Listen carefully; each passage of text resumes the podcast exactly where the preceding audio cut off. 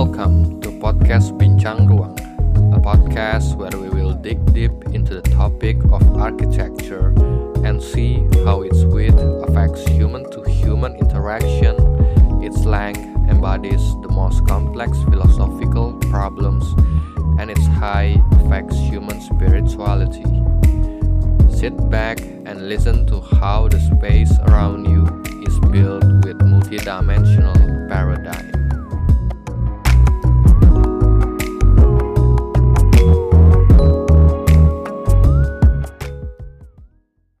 Halo, kembali lagi di podcast Bincang Ruang bersama gue Marco Martinez dan kali ini gue bersama seorang tamu, tamu spesial. Eh, dulu teman bareng selama di kuliah dan ya sempat bareng lah, sering begadang bareng. Sekarang udah menjadi perintis di dunia arsitektur. Asik. Eh, ya lu perkenalkan diri lu. Oke, halo pendengar Marco semua. Oh. Eh, nama gue Abraham, Abraham NP, panggil panggilannya Abraham ya.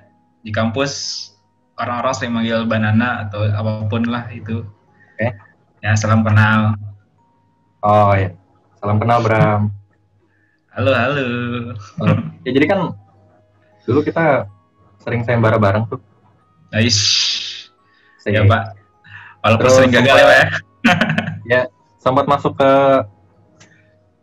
eh, babak babak final ya Final. Juara dua Pak, juara dua Pak. ya juara dua Alhamdulillah. sekarang Bisa bayar market Pak. Kalau itu nggak menang market, gimana itu nasib tuh?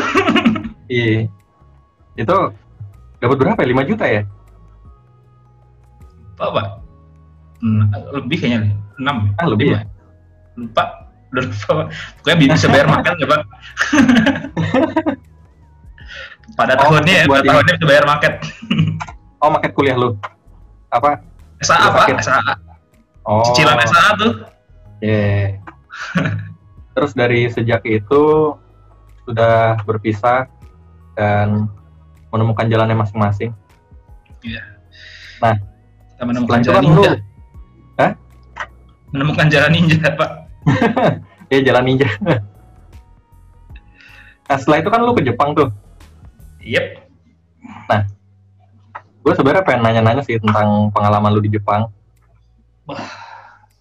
dan bagaimana lu menemukan jalan ninja lu di Jepang gitu Aduh. Jalan ninja gue di Jepang apa ya? mungkin eh, dari awal dulu lu dulu Dari awal. kenapa tertarik pergi ke Jepang Tarik ke Jepang. Iya. Ah, Wah, itu kayak impian sih ya dulu waktu masih kuliah tuh kayak lu inget kan waktu gua SP4 ya? Kayak nyuri-nyuri waktu buat oke lah gue belajar eh, hiragana katakana lah walaupun ya bego-bego Iya. amat gitu kan. Ya kayak gitu gitu lah. Dan emang bukan bukannya gara-gara ini ya kalau orang-orang kan biasanya kalau suka Jepang tuh gara-gara mereka sering nonton anime atau apa gitu kan. Ya atau hentai ya. Walaupun iya itu walaupun ending-endingnya karena ya kalian bisa lihat muka gue lah kayak muka-muka nerd gitu kan pasti ya kalau salah satunya anime yang gue tonton tuh cuma Naruto sepanjang kuliah tuh Naruto kayaknya yang gue tonton tuh. Ya, Seriusan? ada lah beberapa yang gue Oh. ikutin ya Naruto doang yang gue ikutin. Oh iya. Yang lain-lain gue nggak tahu bener-bener nggak tahu apa pak Hmm. nah beda lah beda sama orang-orang kayak gitulah jadi gue emang suka Jepang tuh emang karena eh, waktu semester apa ya semester 2 tuh gue udah bener-bener kayak wah Jepang keren banget nih arsitekturnya kayak Hmm. setiap kali gue lihat itu kan setiap kali kita nyari referensi atau apa pun gitu kan kayak lebih detail gitu mereka tuh kayak mikirin detail terus ada elemen-elemennya yang kayak di Indonesia ya di Indonesia untuk di Indonesia somehow kayak waduh ini kayak jauh banget nih part banget nih dari dari negara tercinta nih. Oh. Ah, ah. jadi kayak gimana ya gue pengen ke sana nih pengen sana pengen lihat gitu kan pengen lihat sebagus Hmm. apa sih di sana gitu kan. Ya gitulah. Itu eh, kayak ya mimpi lah cita-cita gue lah waktu eh, awal-awal. Bener-bener kayak semester 2 tuh uh wah Jepang nih the best nih. Hmm. tadinya kan gue kira oh Jerman nih atau Belanda lah. Ah. eh tapi pas dilihat wah Jepang bagus nih selain cantik selain cantik cantik kan cowoknya kan aduh mantep banget nih udah best lah Tapi berarti yang membuat lu tertarik itu yang lu maksud bagus itu culture-nya atau arsitekturnya atau apanya? Nah, waktu gua semester 4 tuh ya, gua mulai pikir gini. Nah, jadi kalau misalnya arsitektur tuh nggak nggak bisa jauh dengan namanya culture. Karena gimana ya? Culture itu yang ngebentuk uh, arsitektur yang berbeda-beda. Jadi which begitu kita gua jujur waktu gua masih kuliah tuh gua senang banget sama uh, arsitektur Nusantara, uh, arsitektur vernakular lebih tepatnya ya. Mhm. Nah itu gue senang banget. Jadi gue senang banget kayak nyampur-nyampurin. Oh ini ada rumah gadang gitu sama rumah sama desain gitu kan. Gimana ya caranya gue sambung-sambungin aja dah kayak atap atap limasan dipakai di gedung uh, lebar misalnya Hmm. di bangunan le- bentang lebar. Wah ini kayaknya uh, ribet nih.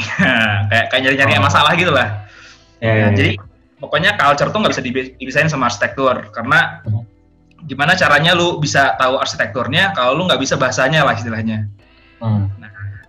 Waktu gua lihat Jepang, wah ini culture-nya udah udah uh, manusia 4.0 kan kayak Indonesia ini Oh. masih kayak 1.5 lah mungkin 1.5 atau Anjir. 1.2 lah. Nah kalau di Jepang tuh udah 4.0 pak. Kenapa gue bisa Oh. bilang 4.0? Karena mereka secara apa ya? Secara uh, season ya, secara season itu beda. Jadi mereka tuh untuk bertahan hidup tuh susah pak. Ada Hmm. banjir lah, tsunami lah, ribet aja pokoknya hidupnya pak. Makanya Hmm.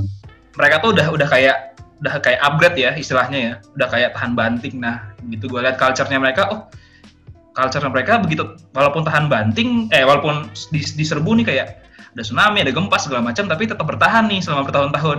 Nah Hmm. kalau culture-nya kuat, otomatis kan kalau kita dari segi arsitektur kan, wah bangunannya kayak gini juga nih, bertahan nih. Bahkan bisa menginfluence orang lain, eh, maksudnya negara-negara lain nih.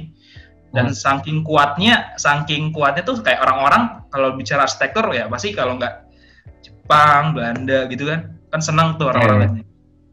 Gitulah. Ya sih culture gua nggak bisa dipisahin. pengaruhnya lumayan gede sih di sini ya. Betul, Pak. Dan Mulai culture dari- nggak bi- nggak bisa dipisah sama bahasa, Pak. Itu dia. Oh, iya iya benar benar benar benar. Terus akhirnya lu pergi ke Jepang. Itu kan tadi lu masih membayangkan ya, karena lu belum ke Jepang.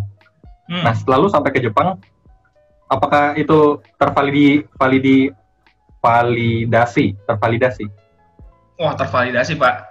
tervalidasi. Tervalidasi sekali, Pak. Cuman ada beberapa part yang kayak gue shock lah. Gue shock. Kayak begitu, kayak kita kan kalau begitu buka nih, kita buka buku uh, referensi lah, kayak bangunan-bangunan Jepang. Uh, bagus. Uh, bagus. Uh, beda-beda. Wah, ini negara satu uh, satu negara isinya bangunannya beda-beda semua atau gimana nih? Udah kayak Hmm. udah kayak apa ya? Udah kayak utopia kan. Nah, Hmm. cuman begitu ke sana, begitu ke sana, wah kayak rumah Dragon Ball pak, semua sama pak. Hah? kayak kopas-kopas gitu. Oh. Jadi kalau lo desain-desain yang bagus tuh bener-bener lo harus ke tempat eh, ya sama lah kayak Indonesia lah. Ada slide yang bagus, pasti ada bangunan yang bagus kayak gitulah. Oh. Sedikit culture shock tapi begitu begitu jalanin di sana, oh ternyata tervalidasi juga. Ternyata tata kotanya yang wah tata kotanya keren nih. Mereka kayak peduli sama lingkungan sekitar mereka gitulah. Eh, kan kalau mungkin mundur sedikit dulu. Yep. Nah, lu di Jepang tuh ngapain? Kuliah atau hanya berpetualang? nyari ya pak saya nyari eh, pasangan hidup kebetulan karena pak Anjir. gue sebenarnya eh, studi ya di sana jadi kayak gue belajar gue sebenarnya research cuman gue belajar sambil belajar bahasa pak. Jadi kayak eh, sebenarnya lebih ke bahasa ke bahasa bahasa Jepangnya sih. Karena gue ending endingnya sih pengen sebenarnya ngambil gelar master. Cuma gue kayak belum yakin nih. Apalagi kayak lu lu lu gimana sih perasaan lu pak? Kayak 2016 gue lulus nih lulus arsitektur. Langsung gue jejelin sama arsitektur lagi. Wah itu bener-bener muak-muak pak.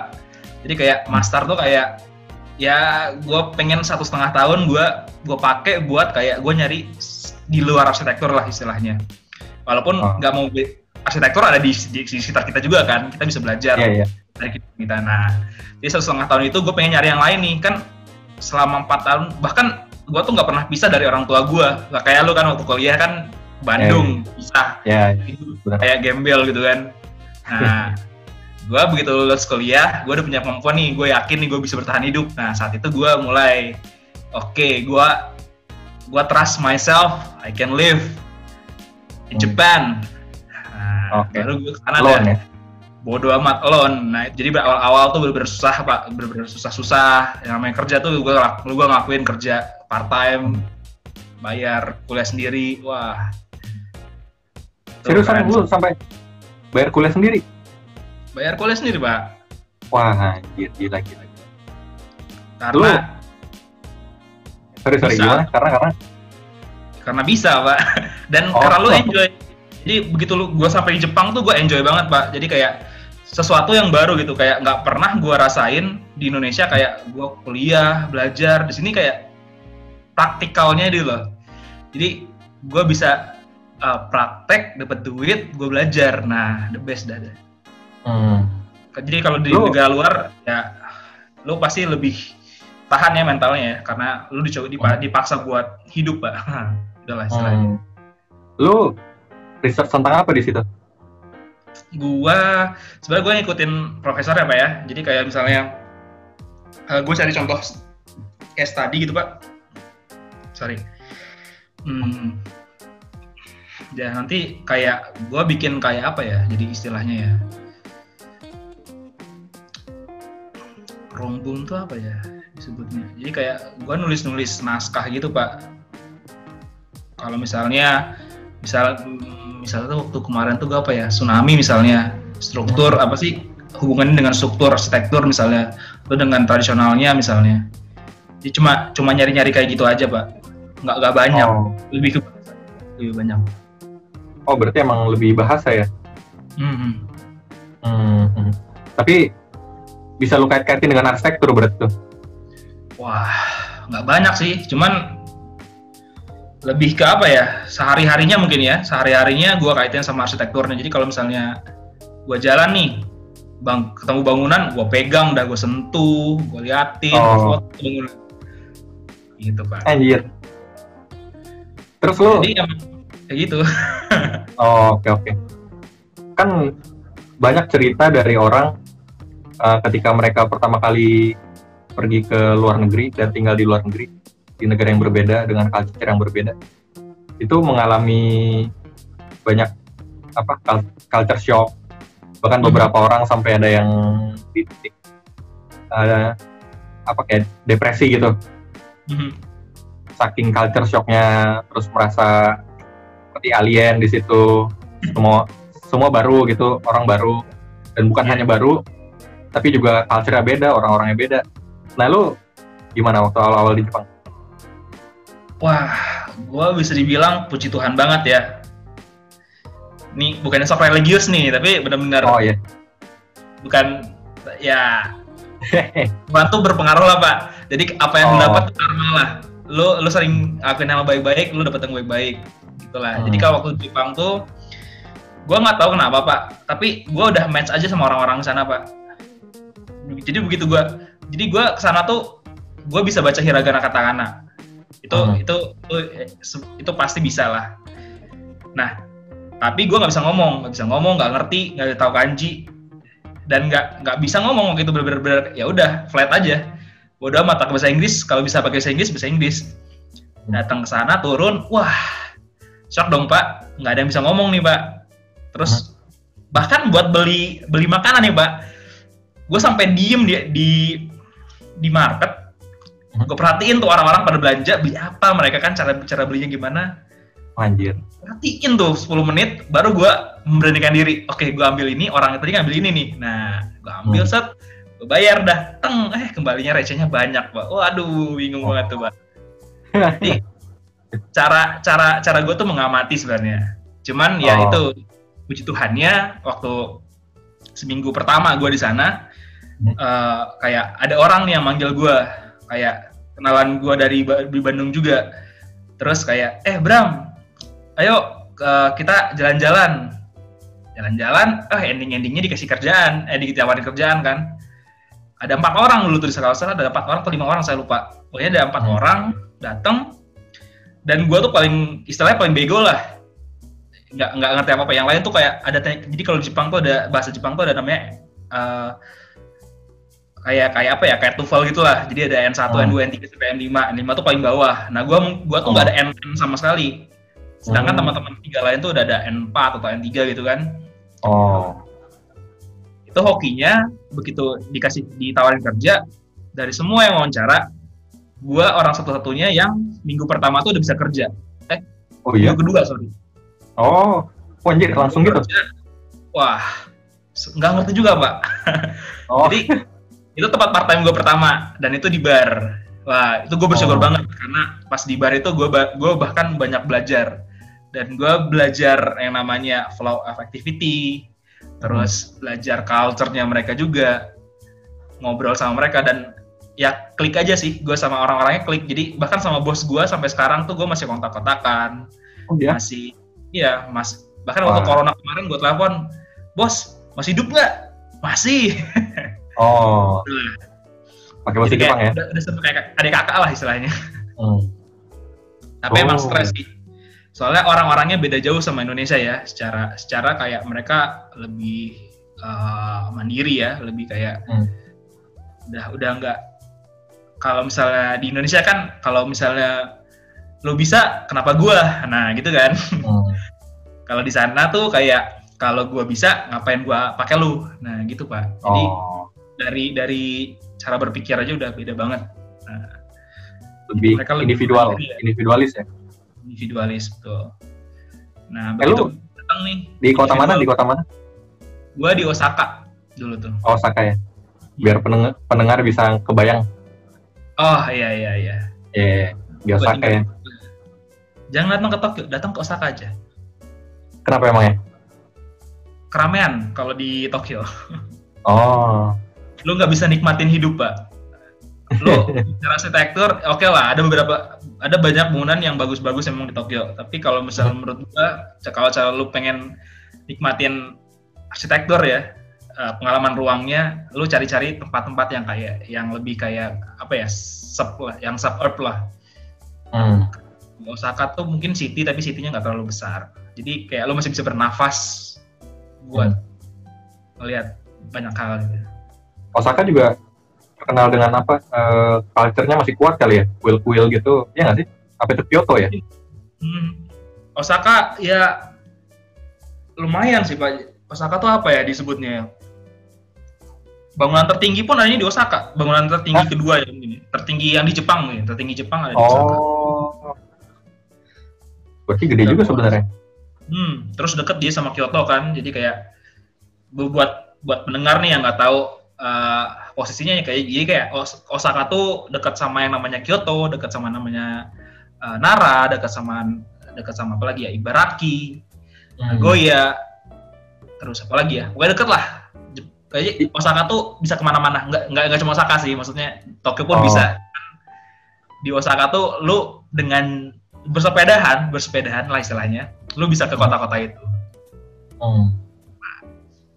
Nah, terus dari momen yang awalnya lu ke minimarket harus ngeliatin 10 menit dulu, Hmm. sampai akhirnya lu benar-benar bisa hmm, berbaur dan bisa ngelakuin aktivitas sehari-hari dengan leluasa di Jepang itu berapa lama? Dan gimana ceritanya? Nah, jadi waktu di Jepang tuh gue secara secara gue belajar bahasa Jepang ya di sana juga kan. Jadi gue cuma butuh waktu tiga bulan sih sebenarnya tiga bulan buat belajar. Enam bulan tuh gue udah mulai fasih sih, udah mulai fasih, udah bisa ya fasihnya maksudnya untuk sehari-hari ya. Sehari-hari udah bisa udah bisa ngobrol, udah bisa ngajak cewek jalan misalnya. Eh, serius? Iya, Anjir, cepet banget. Hah? Kan Tiga bulan langsung bergaul, bisa. Pak, bergaul. Oh, terus udah bisa ngapain lagi ya udah bisa banyak hal lah pak jadi kayak di bar pun gue udah dipercayain buat eh, ngelayan customer langsung oh. Jadi udah bisa Wow. walau kalau misalnya kanji oh mohon maaf nih Hmm. guru mohon maaf Kalau kanji kan tulisan ya? Iya, gue paling gue paling paling jelek lah di kanji soalnya gue begitu Hmm. nulis tuh ya namanya apa ya orang praktek mungkin ya jadi kayak Hmm. gue lebih seneng langsung ngobrol jadi kalau nilai gue tuh bagusnya di itu ngobrol linguistiknya bagus Hmm. kalau kanji bacanya bisa tapi nulisnya nggak bisa jadi mohon maaf mohon Iya, maaf iya. guru Tapi lu emang dengan bahasa Indonesia pun lu tuh termasuk orang yang sangat lugas dan luas gitu loh, kayak friendly banget dan bisa dekat ke banyak orang gitu. Kayak pas kuliah kan juga lu bisa ke banyak eh, banyak apa istilahnya? Banyak circle-circle gitu yang lu bisa bisa lu masuk juga. Ya lu Ya, termasuk di circle himpunan juga, lu termasuk di circle yang agamis juga. Yang lu yang riung-riung itu loh riung-riung. Yang iya agak bareng ya, ya. terus lu bisa masuk ke eh, circle orang yang pemain game yang nerd-nerd. Jadi kayak lu luas banget. Eh, Dan- maaf nih mukanya udah nerd Pak. masih bisa jadi emang gak kaget sih ketika dengar cerita lu kayak lu bisa cepat gitu di sana karena mungkin karena lu dasarnya juga luas juga Iya sih. Mungkin ini ya, mungkin kayak pengaruh yang gue bilang lah tadi culture. Jadi gue tuh waktu kecil itu gue sama orang tua gue tuh nggak pernah natap di satu tempat pak. Jadi kayak nggak pernah gue, gue kan lahir di Tarakan nih. Gue lahir di Hmm. Tarakan tapi gue lamanya di di Bandung bahkan. oh karena kan tuh di mana ya Hah? Tarakan tuh Tarakan Kalimantan di mana? Mohon maaf kita buka geografi dulu apa pak? gua gua aja nggak tahu loh Kalimantan ya Kalimantan pak. Terus Oh. eh, pindah ke Nusa Tenggara Timur ya, maksud itu sebelum merdeka. Hah? Terus ke Papua, oh oh, oke eh Irian Jaya sorry, Irian Jaya, terus ke Oh. Sulawesi, sempet di Ambon, terus ya keliling Indonesia. Jadi teman gua tuh susah pak, nyari gua tuh dulu waktu kecil susah banget nyari teman. Hmm. Cuman begitu SMP mungkin ya, SM, SMP, SMA, ah itu udah mulai kayak oke lah, gua kayaknya bisa lah nyari teman sendiri gitu kan. Emang udah di Bandung sih gitu ya. Hmm. Oh, berarti karena emang ada background itu ya. Makanya Iya, dulu jadi luas ya. Mungkin Lu ya. Terpaksa harus beradaptasi dan ketemu orang baru harus bisa cepat dekat gitu ya. Iya pak. Jadi gue tuh lupa. Teman Kenapa, masa kecil kenapa? lu mana? Lupa. Oh. Oh, iya, soalnya lu pindah-pindah sih ya. Iya. Sedih juga ya. Sampai sekarang pak. Sampai jadi arsitek pun gitu pak. Duh sedih saya. Nah, terus lu udah di Jepang, ada nggak pengalaman yang eh, karena culture-nya beda dan lu nggak tahu ada culture tersebut Hmm? dan lu baru per- pertama kali nih encounter pertama kali culture yang lu nggak tahu itu Wah dan lu ditegur ditegur atau diapain gitu Kalau ada nggak pengalaman pengalaman gitu banyak banget sih pak. banyak banget Tapi yang paling berkesan ya pak ya. ya yang ya paling, paling berkesan berkesan tuh. ah, jadi rumah gua tuh ah, nggak jauh lah. Jadi tempat tinggal gua di sana tuh pertama emang gua di dorm selama Hmm. enam bulan. Nah begitu setelah enam bulan gua pindah nih tempat tinggal. Hmm. Nah, tempat tinggal gua pak ternyata dekat sama Red District. Nah, Oh. kan tuh partnya kan. red Nah, district apa ya Hah? red district apa ya Red District itu ini pak, eh, jadi tempat isinya lampu merah semua. oh iya iya iya. jadi Itu, merah merah gitu ya merah, gue semua merah pak. serem ya Jadi kalau ya masuk buta, uh, merah pak. Nah itu salah satunya lah. Jadi kayak dan mereka benar-benar jelas gitu. Itu tuh suatu tempat yang benar-benar menyenangkan lah istilahnya. Kalau kalau oh untuk pria ya, untuk pria jadi. oh buat pria. Nah, itu gue bener-bener culture shock tuh di sana. Soalnya Hmm. untuk pertama kalinya gue dipanggil, gue dipanggil dan dipaksa untuk masuk. Ah serius ditarik pak, ditarik. Aduh. Ah, terus lu masuk? merasa bersalah, tapi kalau pas dilepas nggak enak kan, aduh. oh Tapi kira pulang sih pak, pulang, pulang. Tapi kan dekat rumah juga pak. Jadi kalau kalaupun saya pengen lihat, ya tinggal jalan-jalan sekitar sana aja lah. Tapi sebelum pulang lu masuk dulu ya? Enggak dong pak, mahal pak di sana pak. Mending buat bayar kuliah. Pak. Oh iya, lu ini sih ya. Ekonomi ya, ekonomi ya. Ekonomi Terbatas. pak. Hmm. Gak disupport orang tua. Ingat ya, Oh, oke oke. sendiri. Sama, Itu sama. Oh culture shocknya ya? iya iya. iya. Itu culture shock ya? Itu culture shock pak. Oh. Tapi jadi ya itu culture shocknya gitu pak. Kan ada jadi area inilah area ini si area yang banyak lampu merahnya ini pak. Nah suatu saat tuh mungkin orang-orang tahu Yakuza ya. Mungkin orang Indonesia udah tahu pada ya udah, udah pada tahu Yakuza lah ya. ya aku tuh. Wah, kalau di komik-komik kan kelihatannya kayak mereka ganas-ganas tuh pak, ganas-ganas tapi Anda Korea gitu. iya kayak kayak serem gitu pak. Waduh. Hmm. Nah, culture shock gue waktu pertama kali lihat Yakuza kan gue takut tuh pak ya. Waduh nih orang kayaknya gue mau mati nih. Soalnya gue red district tuh pak dan red district itu Oh. dijaga sama Yakuza gitu di depan-depan gangnya gitu. Oh. Nah, waktu itu kan karena gue emang part time, gue pulangnya malam kan, kan gue kerja di bar ya, secara kan. Jadi gue pulang malam, dicegat gue pak. Oh iya? Iya, jadi gang-gang gang ke rumah gua tuh memang harus masuk ke red district itu. Dan gua Oh. pulangnya memang naik sepeda kan. Lah lu berarti tiap hari lewatin? Lewatin Pak, makanya saya bilang Oh. saya harus berdoa berdoa apa namanya saya jadi orang yang regio yang apa namanya agamis Pak. Oh iya. iya. Terus terus gimana? Lu dipanggil? Nah, di panggang tuh Sorry, udah sorry, mereka udah jaga. Ya gimana gimana? Nah, jadi red district itu dekat sama kantor polisi sebenarnya Pak. Jadi di ujung masuknya tuh ada kantor polisi. Gede Pak kantor polisinya. Cuman nggak ada polisi Pak. Oh. Adanya apa? Yakuza. Kalau malam-malam Yakuza? satuan kan. Hah? Eh bentar nih anjing gua. Gua keluarin dulu deh bentar. Gimana tadi? Tadi sampai polisi isinya Yakuza semua. Ya, jadi kantor polisi itu depannya Yakuza Pak kalau malam-malam Pak. Oh. Ya lah Pak. Nah, di situ tuh ya deg-degan aja kan, lewat kan. Sebagai ya kayak gimana sih lo orang asing lewat gitu kan.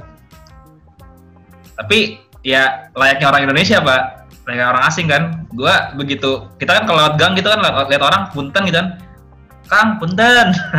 Lanjut Oh, ya. Nah, gua secara apa ya, mungkin spontan ya, spontan gua langsung bilang, punten Kang, dalam bahasa Jepang tapi, punten Kang. Biasanya orang, kalau kalau itu orang lewat aja kan. Oh iya. Nah ini gue dicegat pak. Terus terus Nah, wah itu udah was-was aja pak. Waduh, ini gimana ya? Bingung juga kan. Gua mau belaga nggak bisa bahasa Jepang tadi nyapanya pakai bahasa Jepang.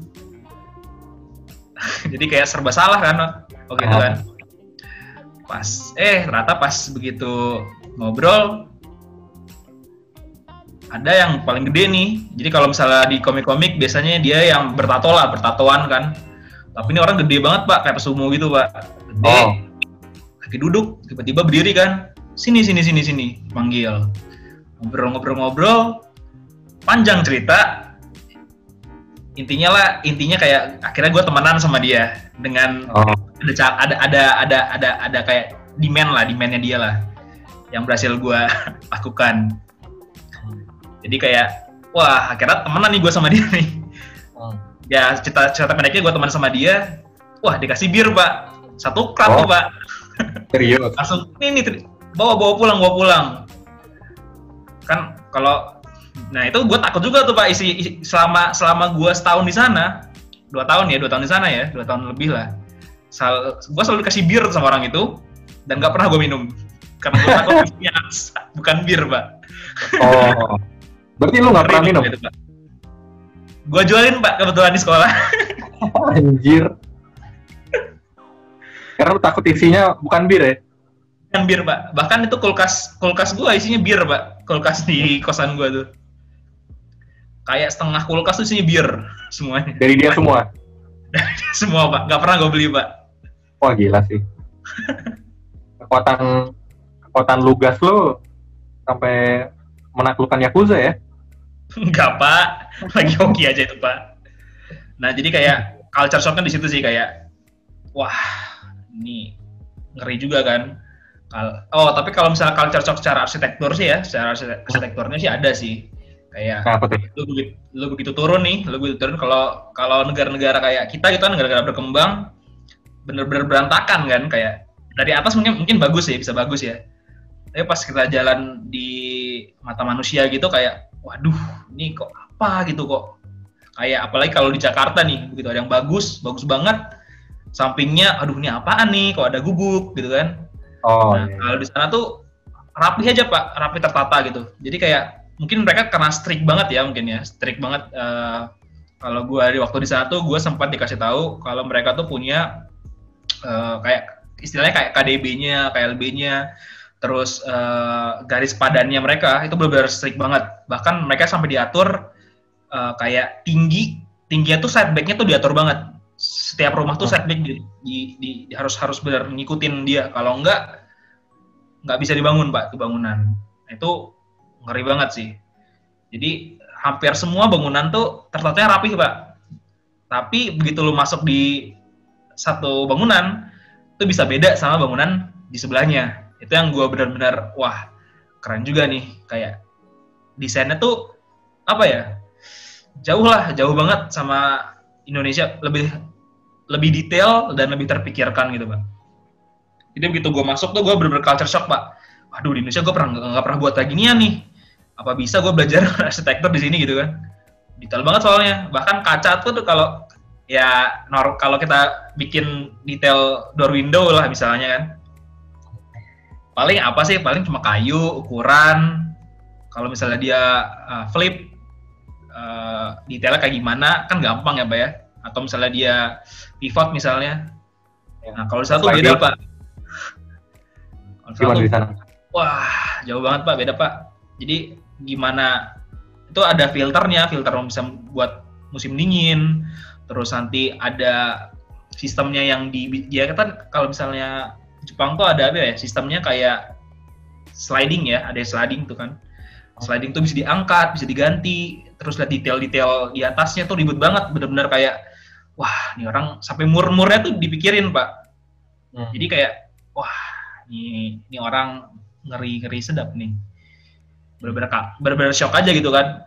Ini digambar ada gitu, di manualnya ada. Jadi kayak kalau lu bikin Gundam, nah ini lu bikin rumah, cuma ada manualnya gitu. Nah, Oh.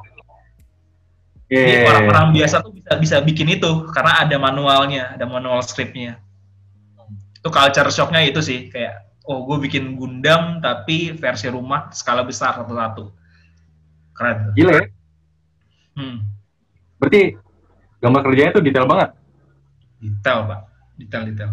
Waktu gua kebetulan di kosan gua ada lembar kerjanya kan, jadi gua sempat dapat dan gua lihat, wah, sepertinya sulit untuk membangun rumah ini. Gila juga ya. iya pak, begitu pak. Culture-nya, culture-nya di situ sih. Maksudnya gua shocknya tapi nggak nggak benar-benar kayak orang eh, pelajar mungkin pada umumnya ya kayak musim dingin kedinginan gitu kan. Enggak sih. Kayak buat gua masih normal lah. Masih hidup. Nggak ada Eh, terlalu kalau kayak di Eropa, terus di Amerika, itu kan juga ada musim dingin. Mhm. Dan dia biasanya di bawah lantainya ada pipa-pipa penghangat, ada Ya. kayak gitu-gitunya. Nah kalau di Hmm. Jepang apakah sama apa gimana? kalau di Jepang tuh gimana ya mereka tuh ada sistem sendiri sih jadi kayak kalau mau gampangnya mereka tuh ada yang namanya eh, heater jadi AC itu udah sama heater pak oh jadi jadi kalau nyambung ya? misalnya dia musim panas, eh, dia musim panas dia udah musim jadi AC. Kalau Hmm. dia musim dingin dia jadi heater. Oh. Terus dindingnya ya, dindingnya tuh dia udah punya pelapis pelapis buat suhu dingin Hmm, terutama ya. Terus walaupun tipis tuh pak, dia tipis banget, tapi dia udah bisa eh, ngedap lah istilahnya dari dingin. Hmm. Terus ada namanya apa ya? Jadi kayak bangku gitu. Gua nggak tahu bahasa Jepang. Gua, gua udah lupa bahasa Jepangnya. Cuman lu di situ tuh selama lu duduk di situ, lu bakal merasa kehangatan Oh gitu. dan tidak akan merasa dingin. Oh itu seperti gitu. bangku-bangku buat lu buang air besar ya? Nah, itu juga termasuk, Pak. Jadi di sana uh, WC-nya untuk toilet ya, untuk toilet mungkin minimal 35 juta lah, Pak. Oh iya. Gile. Bu- buat buat eh, sit, sittingnya ya, sittingnya kan.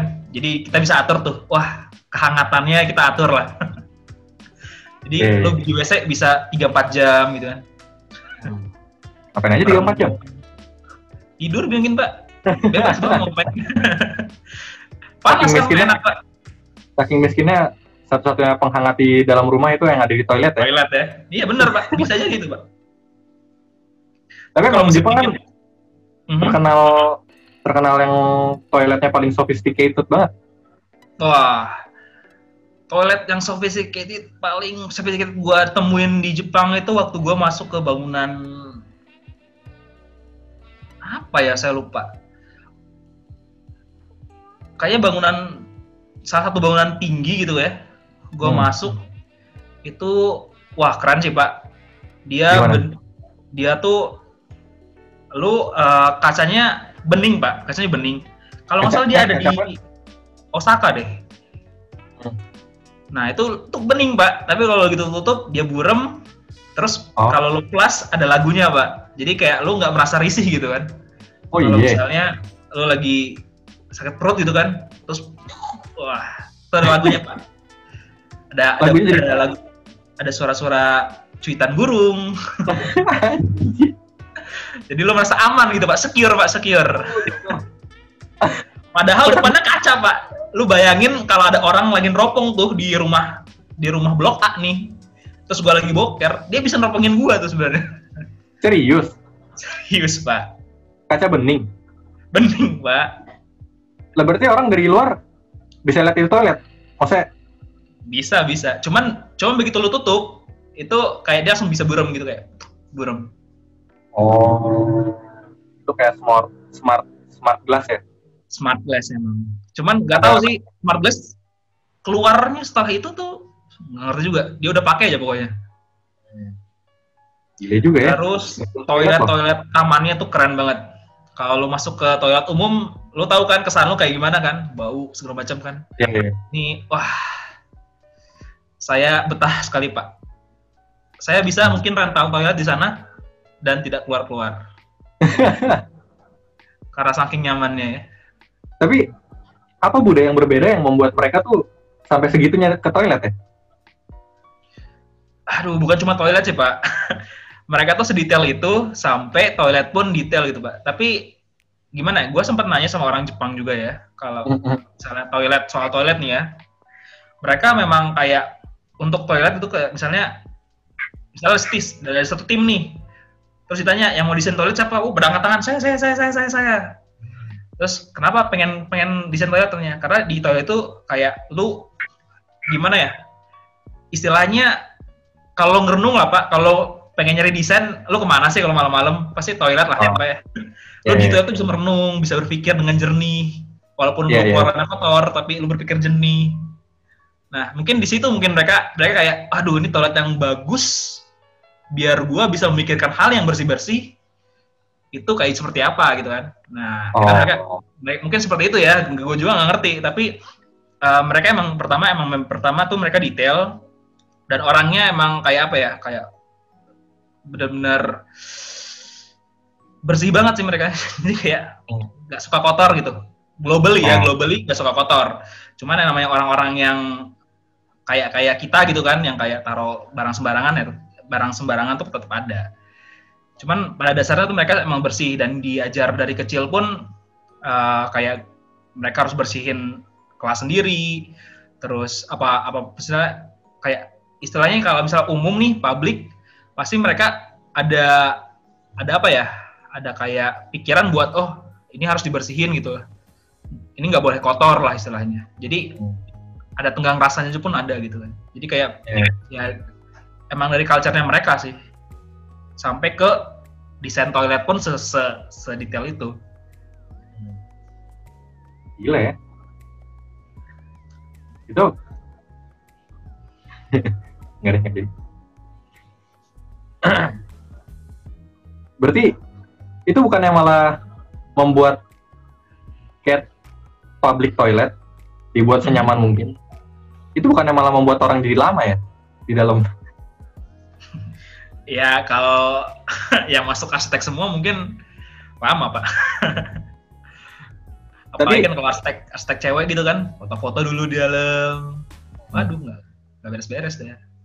itu yang tutupnya bisa kebuka sendiri gitu ya Eh, nggak semuanya kayak gitu kok pak, nggak semuanya kayak gitu. Masih Oh, masih semuanya. banyak juga kayak eh, kalau di Osaka tuh masih masih banyak juga kayak toilet-toilet yang tradisional, yang kayak atasnya bisa jadi wash basin, oh Tapi- sekalian flush juga gitu airnya itu ada. Jadi nggak semuanya high tech lah, tapi untuk publik-publiknya itu bisa gua bilang hampir 50 persennya udah high tech lah. udah high tech ya oke oke oke tapi Jepang tuh emang higienis banget ya dan yang Iya. dari gue baca-baca di setiap ruangan di dalam rumah itu sendalnya beda-beda jadi kalau lu ke toilet tuh ganti Oh, sendal iya, iya, iya. ke kamar tidur yang ganti gua sendal juga. Mhm. iya bener ya Iya, jadi kalau lo ke rumah orang Jepang, kalau lo bertamu nih, usahain lo lepas sepatu. Di jadi mereka tuh kayak apa ya? Kalau di entrance, kalau di bangunan entrance kita kan kayak ya udah datar aja gitu kan, nggak ada nggak ada nggak ada pemisah nih antara, maksudnya nggak ada nggak ada perbedaan antara lantai lo masuk sama ruangan berikutnya. Nah, kalau di mereka tuh ada mereka sisain space sekitar mungkin cuma satu meter atau satu setengah meter. Nah itu lu taruh sepatu lu segala macam dan ada kayak slipper. Jadi slippernya itu fu- fu- fu- eh, untuk di dalam doang di dalam ruangan. Jadi mereka mereka orangnya skeptikal mungkin ya, skeptis mungkin ya. Jadi kayak Hmm. daripada gua eh, repot nih orang-orang kan kalau misalnya, aduh, gua lepas sepatu deh, biar biar rumah lu nggak kotor. Tapi kalau di Indonesia kan kayak nggak usah nggak usah pakai sepatu pakai sepatu. Padahal repot juga kan. Iya. untuk mu- untuk menang, menanggapi itu daripada daripada basa-basi kan daripada basa-basi tuh pakai sendal. Udah ada Oh. sendal nih, tuh pakai sendal, udah pakai aja masuk. Nah, jadi kayak memper mempercepat basa-basi lu gitu. oh iya gila gila gila Dan emang mereka eh, apa ya, lebih hier- lebih apa ya, lebih terstruktur lah istilahnya.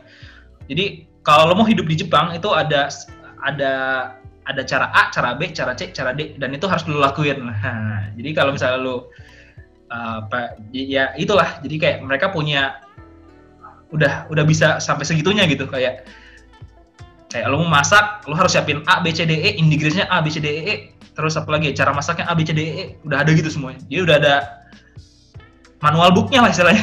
oh berarti kayak tata cara gitu kalau Iya. melakukan kegiatan Iya, betul. Nah itu contohnya apa?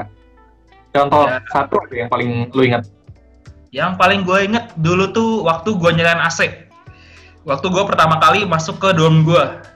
Hmm. Itu benar-benar ditulis tuh pak, buang sampah dipisah tuh. Hari, hari Rabu buat apa, hari Senin buat apa, Jumat buat apa, Kamis buat apa.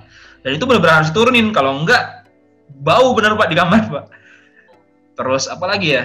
Maksudnya apa tadi? Senin Senin untuk apa? Selasa untuk apa maksudnya? Ya, jadi dipisah-pisah Pak. Jadi kalau misalnya eh, sampah kering misalnya, buangnya tuh hari Senin.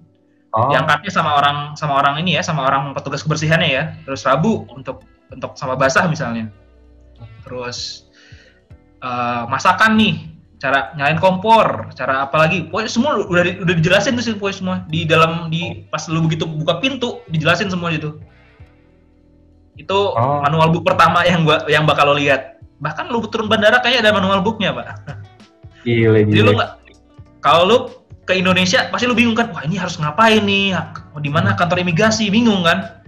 Nah, kalau di Jepang tuh begitu lu, lu, lu, lu injek kaki di bandaranya, tuh udah ada manual book, Pak. Bapak jalan ke sana 30 meter, ada tempat apa? Isi kartu, nah, gitu-gitulah istilahnya. Jadi kayak udah manual booknya tuh bener-bener kayak wah tersyukur banget. Eh tertata dengan rapi ya. Iya, tertata dengan rapi. Makanya mungkin Dan itu- orang-orang banyak stresnya. Iya. Dan itu tercermin juga ke arsitekturnya juga ya. Karena iya, tercermin di arsitekturnya, Pak. kalau gue lihat bangunan-bangunan di Jepang tuh bener-bener rapi, detail-detailnya dipikirin banget, pertemuan-pertemuannya. Nah itu mereka tuh benar-benar jadi eh, rapihnya mereka tuh sampai ke arsitektur juga, sampai ke hid- maksudnya udah emang udah mendarah daging ya. Jadi kayak bahkan mereka lu tahu kalau bikin bangunan di sana itu suara bising tuh hampir lu nggak bisa dengar pak. Debu tuh nggak hampir nggak ada. Karena mereka diselimutin satu bangunan tuh diselimutin. Jadi lu nggak bisa lihat ke dalam debu nggak bisa keluar tapi jadi kayak apa ya? Dan mereka kerjanya tuh kalau misalnya berisik-berisik tuh pasti mereka kerjanya malam. Kalau siang mereka minta izin dulu bener-bener wah bener-bener tertata sih. Gua selalu tuh di situ sih. Tukang-tukangnya mereka tuh udah pro-pro atas lah. Tukang kita juga pro ke atas. Cuman Beda. beda pak. Bedakan mungkin. Mereka kalau berarti tukang kita berani mati kalau tukang mereka itulah. Mereka sangat tenggang rasa banget ya. tenggang Mikirin rasa orang gitu ya. mikirin orang. Eh, nah ini gue mau coba sedikit berbeda nih. hmm? Kalau lu bisa coba nemuin satu kritik tentang arsitektur Jepang apa? monoton sih pak Monoton. hmm. Contohnya atau seperti apa? Elaborate, elaborate. kritik gua tuh gimana ya jadi sebenarnya bukan lebih bukan kritik sih pak. Monoton pun enggak karena enggak enggak semuanya kayak gitu sih. Cuman kayak gimana ya mereka tuh berkembangnya sulit pak. Karena mungkin gara-gara lahan mereka ya. Karena mereka kecil terus banyak banyak peraturan juga. Jadi kayak sebenarnya kalau jadi arsitek di sana tuh eh, susah-susah gampang pak. Kayak eh, mereka lebih cenderungnya ke arah interior sekarang tuh. Dan saingannya pun berat kan. Jadi kayak persaingan di dunia arsitek tuh berat kalau di sana. Karena nggak semua tempat-tempat yang bagus tuh kayak kayak di Indonesia kan kayak lu kenal orang mungkin lu bisa dipakai. Kalau di sana tuh tapi lebih arsitekturnya le- karena lebih tertata ya mungkin ya karena lebih tertata jadi kayak selain yang lu kenal kayak Ando, Ando Tadao atau eh, Kuma gitu kan yang udah jelas-jelas berbeda mungkin ya tapi kalau di arsitektur arsitektur lokalnya lu bakal melihat hal-hal yang cenderung sama. Kalau misalnya di di apa ya di mata arsitektur kaum awam lah ya. Di, di mata orang awam tuh bakal ah ini kok sama semua tapi kok rapi gitu kan. Mungkin kritiknya kayak gitu sih. Tapi ya gua juga nggak bisa kritik terlalu jauh ya karena gua nggak pelajari secara mendalam. Cuman yang gue lihat tuh bahkan itu juga bakal itu jadi kekurangannya mereka bak dijadiin uh, keunggulannya mereka. Jadi cara mereka uh, begitu kita masuk tuh dia tertata rapih jadi istilahnya. Jadi kayak gue mau kritik pun sebenarnya bukan ke arah kritik jadinya. Tapi Hmm. kebebasan mereka mungkin diatur. Cuma mereka bisa kembaliin itu lagi. Bisa kayak mungkin karena orangnya simpel juga ya saya ngerti juga. Ya, jadi mereka mereka bisa balikin balikin itu lagi. Ya tapi sekali lagi kalau lo ke sana jangan berharap lo bakal lihat yang bagus-bagus semua. Pasti nanti suatu saat kayak lo bakal lihat oh ini monoton juga nih. Ada hal-hal yang monoton. Tapi monoton itu bisa dibuat bagus sama mereka lah istilahnya. Oh, contoh yang monoton tuh kayak gimana secara kalau lu gambarin? Hmm, kalau gua gambarin, mungkin kalau jadi kalau di Jepang tuh ada namanya Sotengai ya, Sotengai. Nah, biasa tuh di sekitar-sekitaran Sotengai itu banyak perumahan, perumahan-perumahan eh, kayak rakyat-rakyat yang minimal lah, yang yang biasa kayak gua gitu kan. Nah itu tuh sama semua pak, karena mereka sistemnya apa ya? Jadi mereka tuh beli rumah dari orang-orang yang agen rumah, agen rumahnya. Karena saking saking apa ya? Jadi orang tuh efisien nih, efisien. Jadi daripada gua bikin arsitektur gua sendiri, mendingan gue beli dari agen. Nah, jadi di sekitar Sotengga itu pasti banyak banget kayak bentuk bangunannya sama atau bentuk bangunan bahkan kayak gudang, Pak. Oh, Tapi kamar-kamarnya begitu lu masuk, oh kalau orang awam sih pasti kayak wah ini udah keren banget nih, udah wah the best banget nih. Pengalaman ruangnya berbeda gitu kan. Cuman sebenarnya sama tuh pak. Kok Begitu bapak masuk, jadi kayak desainnya dipakai-pakai semua, dipakai itu sama Oh. semua pak. Jadi rumah lu di gunung sama rumah lu di pantai sama pak. Oh gitu. Bisa sama. heeh. Itu Berarti itu- minusnya ya. Berarti satu Karena- desain untuk semua gitu ya? Iya, dan itu menurut gua ya karena mungkin itu salah satu masalahnya mereka ya karena memang lahan. Terus dan banyak lagi dan kayak ada banyak foreigner kan di sana banyak ya foreigner untuk bekerja gitu kan dan mereka butuh rumah yang murah gitu kan. Jadi agen-agen ini nyari kesempatan di situ mungkin ya. Jadi cari carilah bikin bangunan yang kayak kandang ayam dibagi kotak empat gitu kan, sama dalamnya udah bagus istilahnya kan. Yang penting bagus tapi luarnya ya udah monoton aja. Pokoknya ada ada bangunan di situ keren, dah tak taruh LDK misalkan. LDK itu apa ya? Uh, living, dining, kitchen misalnya. Yang penting ada LDK dikasih mahal, lu sewa dah tuh apartemen gitu kan. Nah itu uh, monotonnya mungkin ya kayak dan emang mahal juga lahan di sana memang jadi kayak ya lu bakal banyak menemukan itu di segi arsitektur. Makanya gue bilang yang gue culture culture shock gue pertama itu waktu arsitektur gak semuanya yang gue lihat di referensi book itu sama dengan apa yang gue bayangin.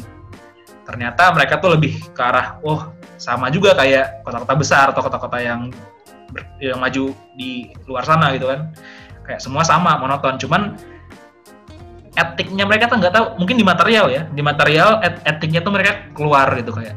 Material pasti sama kayak dua tiga ram tiga rumah setelah itu kayak sama lagi sama lagi iya yeah, yeah. uh, gue nanti pengen gue nanti pengen ke sana gue pengen ke sana cuman gue mau ekspor dulu uh, yuk yuk yuk tapi apa bedanya dengan kondisi di Indonesia yang banyak dengan banyak townhouse yang semuanya juga sama juga mass produce gitu. Uh, Bedanya apa? Kalau di Indonesia beda ya. Uh, studi kasusnya mungkin beda ya. Kayak kalau di Indonesia tuh lebih nggak tertata mungkin ya. Kalau di kita tuh. Jadi kayak karena cara ngambil IMB-nya terlalu mudah mungkin atau apa nggak tahu atau nggak diatur mungkin di sebenarnya sih pasti diatur. Jadi kayak kalau di Indonesia tuh lebih cenderungnya nggak ngeliatin sekitarnya gitu pak jadi kayak kiri kiri sama kanan tuh bener-bener timpang lah pak istilahnya walaupun oh. misalnya dua lantai dua lantai semua. Tapi timpang banget pasti. Ada tiba-tiba ada bangunan Romawi sebelah di kok Roma dari kiri gitu kan. Oh. terus ke kanan kok ada Jerman yang benar-benar simple gitu misalnya yang kayak baja semua. Nih gue di tengah-tengah di mana nih posisinya gitu kan. Kayak lo lost kayak somehow lost lah dari dari dari peradaban lah istilahnya. Tapi maksud gue uh, townhouse townhouse yang besar-besar gitu yang nah. Satu oh maksud lu ya kayak cluster gitu ya sistemnya? ya cluster-cluster gitu. Oh kalau itu sih wah kalau kalau itu jauh banget pak? Sama Jepang pak. Kalau di cluster kita kan kayak lu beli tanah gede nih terus lu bikin set satu komplek. Dan kebanyakan isinya nggak ada. Ya ya ya Nah, kalau di sana tuh bukan cluster ya dia. Kalau mereka tuh bukan cluster sih, Pak. Kebanyakan bukan cluster, jadi kayak mereka bikin kos-kosan aja, bikin kos-kosan. Oh. Tapi tapi mirip-mirip bentuknya. Tapi disebar tuh, disebar sama mereka. Jadi nggak nggak di satu sama semua, nggak nggak kayak mes itulah. Hmm. Kalau di Indonesia kan kebanyakannya mungkin karena lahan kita luas juga ya, lahan kita luas, yeah. terus tanahnya murah, dibikin banyak, ya wes jadi kayak gitu. Oh. Sebenarnya itu enggak itu juga ya, ya mau dibilang salah. Tapi kita butuh. ya, ya, ya. Bingung juga Berarti, kan karena bukan kayak gitu kan. Yang maksudnya tadi itu agen rumah itu berarti hmm. ketika gue mau bangun rumah, gue akan datengin si agen ini dan dia udah hmm. punya uh, kayak semacam blue, blueprint asal untuk bangun rumahnya gitu yeah. ya. Dia udah punya ya betul. Dia udah punya prototipenya bahkan. Jadi kayak Oke, okay, lo butuh apa nih? Eh, living, dining, kitchen. Uh, kamar 4. Oke, okay, kamar 4 bentuknya gini. Kalau tiga gimana? Ya udah copotin aja satu. Si Lego ini, Lego ini dicopot satu. Nih, deh, ini jadi tiga misalnya. Mereka udah oh. punya prototipenya lah istilahnya. Bukan prototip oh. sih lebih tepatnya. Apa ya sebetulnya? Kayak Lego gitu. Modul-modul ya? Modul, ya, dia, modulnya. Mereka udah punya modulnya. Oh. Terus kalau mau tahu kolam berenang, ditaruh yeah, di kolam yeah, berenang di atas misalnya. Jadi udah ada modulnya yeah, yeah. mereka gue ngerti uh, eh, gue pengen coba stretch lebih jauh nih topiknya Boleh, kan nih antara monoton dan eksploratif ya hmm. uh, sebenarnya agak blur juga terminologi monoton dan eksploratif hmm. kalau di Indonesia saking eksploratifnya menjadi monoton gitu. Kayak Nah, eh gimana gue jelasin nih? Di Jepang itu mungkin monoton kata yang negatif kan ya, hmm, tapi ada kata yang lebih positifnya juga itu kayak menunjukkan ini loh arsitektur Jepang gitu. Jadi kelihatan gitu. Jepang tuh kelihatan identitas arsitekturnya gitu. Karena kemono kemonotonan yang tadi lo jelasin itu gitu. Itu bedanya gini, mungkin gua ngambil analoginya gini sih pak. Kalau mereka tuh emang hidupnya simpel pak. Jadi begitu Hmm. mereka dikasih sesuatu yang distrik gitu kan, sesuatu yang benar-benar memaksa mereka buat berpik buat buat kecil pak. Mereka tuh udah udah udah udah ter- terbiasa itu, udah terbiasa dengan itu. Jadi mereka bisa berkembang, jadi bisa berkreatif dengan dengan hal kecil Oh. itu. Kalau di Indonesia kan hidupnya ribet pak. hmm, lu nyokap lu eh, beli tas tas lu disimpan banyak pasti kan nggak nggak langsung dijual buang beli baru jual jual jual yang lama nggak kayak gitu kan. Orang Indonesia tuh lebih cenderungnya apa ya? Emang dari culture-nya pun kayak ribet. Butuh pakaian lah pakaiannya ribet-ribet banget lah segala macam. Dan kebutuhan orangnya beda. Jadi kalau kita mau disimpelin di awal-awal terus berkembang berkembang dia banyak ya. Jadinya emang kecenderungan kita untuk berpikir tuh berpikir apa ya? Berpikir ribet bukan berpikir simpel kita udah kita udah ri- kita tuh kebutuhannya eh, bertambah terus tapi kita pengennya simpel jadi kita jadi gimana ya lu nyimpel lu simpelin sesuatu yang ribet gitu jadi Oh. jadi bakal jadi bakal jadi bakal jadi monoton Oke oke oke. Berarti yang lu jelasin tadi tuh eh, menunjukkan bahwa di Jepang tuh sangat fungsionalis. Bisa gua bisa bisa dibilang fungsionalis ya kalau kalau dari sudut pandang gua Oke oke. Tapi dia tetap punya estetika yang menunjukkan itu identitas arsitektur Jepang gitu. Hmm, Itu- Titik tengahnya gimana ya? Bisa fungsionalis tapi ada ada identitasnya juga gitu. ya karena mereka mungkin mungkin salah satu salah satu apa ya salah satu aspeknya ya culture-nya mereka itu kayak eh, mereka kuat ya dengan material-material mereka gitu yang mereka pakai jadi kayak material tradisional tuh mat- ya, yang gua kagum tuh ya eh, tatami sistem sistem lantainya mereka tuh mereka masih pakai dan at, dan kenapa dia bisa bertahanin itu karena mereka punya skala sendiri kok. Jadi dia tuh punya skala emang skala Jepang banget. Jadi kalau misalnya orang luar ke sana, lu bakal wah ini Jepang banget. cuma cuma dari ruangnya doang, dari ruangnya doang wah ini Jepang banget. Mungkin karena skala-skala itu, skala-skala itu berdasarkan logikanya mereka. Jadi ya ribet juga sih. Jadi kayak mereka tuh kayak ada satuan satuannya satuan lengan lah istilahnya. Kayak Ya, ya. gitu gitulah. Nah itu yang bikin bikin mereka punya identitas gitu. Dan kenapa mereka punya ukuran seperti itu? Karena mereka di zaman dahulu kala mereka lihat oh ini yang paling efisien mungkin ya. Ini bukan kita nggak bicara bentuk ya, kita bicara fungsi. Jadi kayak mereka menemukan dari hasil mereka mencoba gitu kan. Dan kalau mereka udah mencoba, udah paten di- dipakai terus, itu jadi sesuatu yang kayak apa ya kebiasaan behavior lu. Jadi itu bakal jadi etnik lu. Contoh-contoh dari bangunan yang mencerminkan lu banget gitu kan, Jepang banget seperti apa. Kalau di Indonesia kan ya karena ribet, saking ribetnya jadi monoton ya itu identitas kita gitu kan. Iya, iya. Jadi kalau lu ke Indonesia tiba-tiba ketemu bangunan orang Maui kuno, wah tapi jadi modern nih. Nah itu Iya, iya. Indonesia dah. Karena di kita kan kita lebih apa ya disebut disebutnya tuh apa ya? Yang campur-campur gitu, et apa gitu? Eh, iya. Lupa. S S S bukan ya? Ek, Ya ada E-nya depannya. ek, ekletik. Ekletik, betul dia. Itu dia. Iya. Itu tuh lebih ekletik lah orangnya Oke tuh. Ini bagus banget sih topiknya. Eh, jadi tuh apa dia sistem dari sistem dasarnya pun tuh udah punya identitas ya makanya bentukan akhirnya tuh juga juga udah punya identitas. Sedangkan eh, in contrary di Indonesia, eh gue nggak tahu ya kayak kayak klasik, gaya apa itu semua. tempelan doang gitu. Nah itu dia. Tapi- kan identitas kita sih kayak gitu, Pak. Tempelan. Nyawanya gitu. Iya. Tapi malah itu jadi nyawa kita, Pak. Oh, iya juga. Itu jadi nyawa kita. Kalau kita tanpa tempelan itu kita bukannya bukan bahasa bukan orang Indonesia istilahnya. Oh. Ya enggak? Iya. Iya, benar, kalau tanpa, tanpa orang Kalimantan nggak jadi orang Indonesia, Pak. Iya, iya. Lu iya. tanpa Jawa bukan orang Indonesia, Pak. Iya, iya. Karena tempelan-tempelan itu ya, Pak. Di Bali lu ketemu sama ukiran, ukiran itu yang jadi sesuatu yang bisa ngebedain lu. Oh, ini ukiran Bali Iya. nih.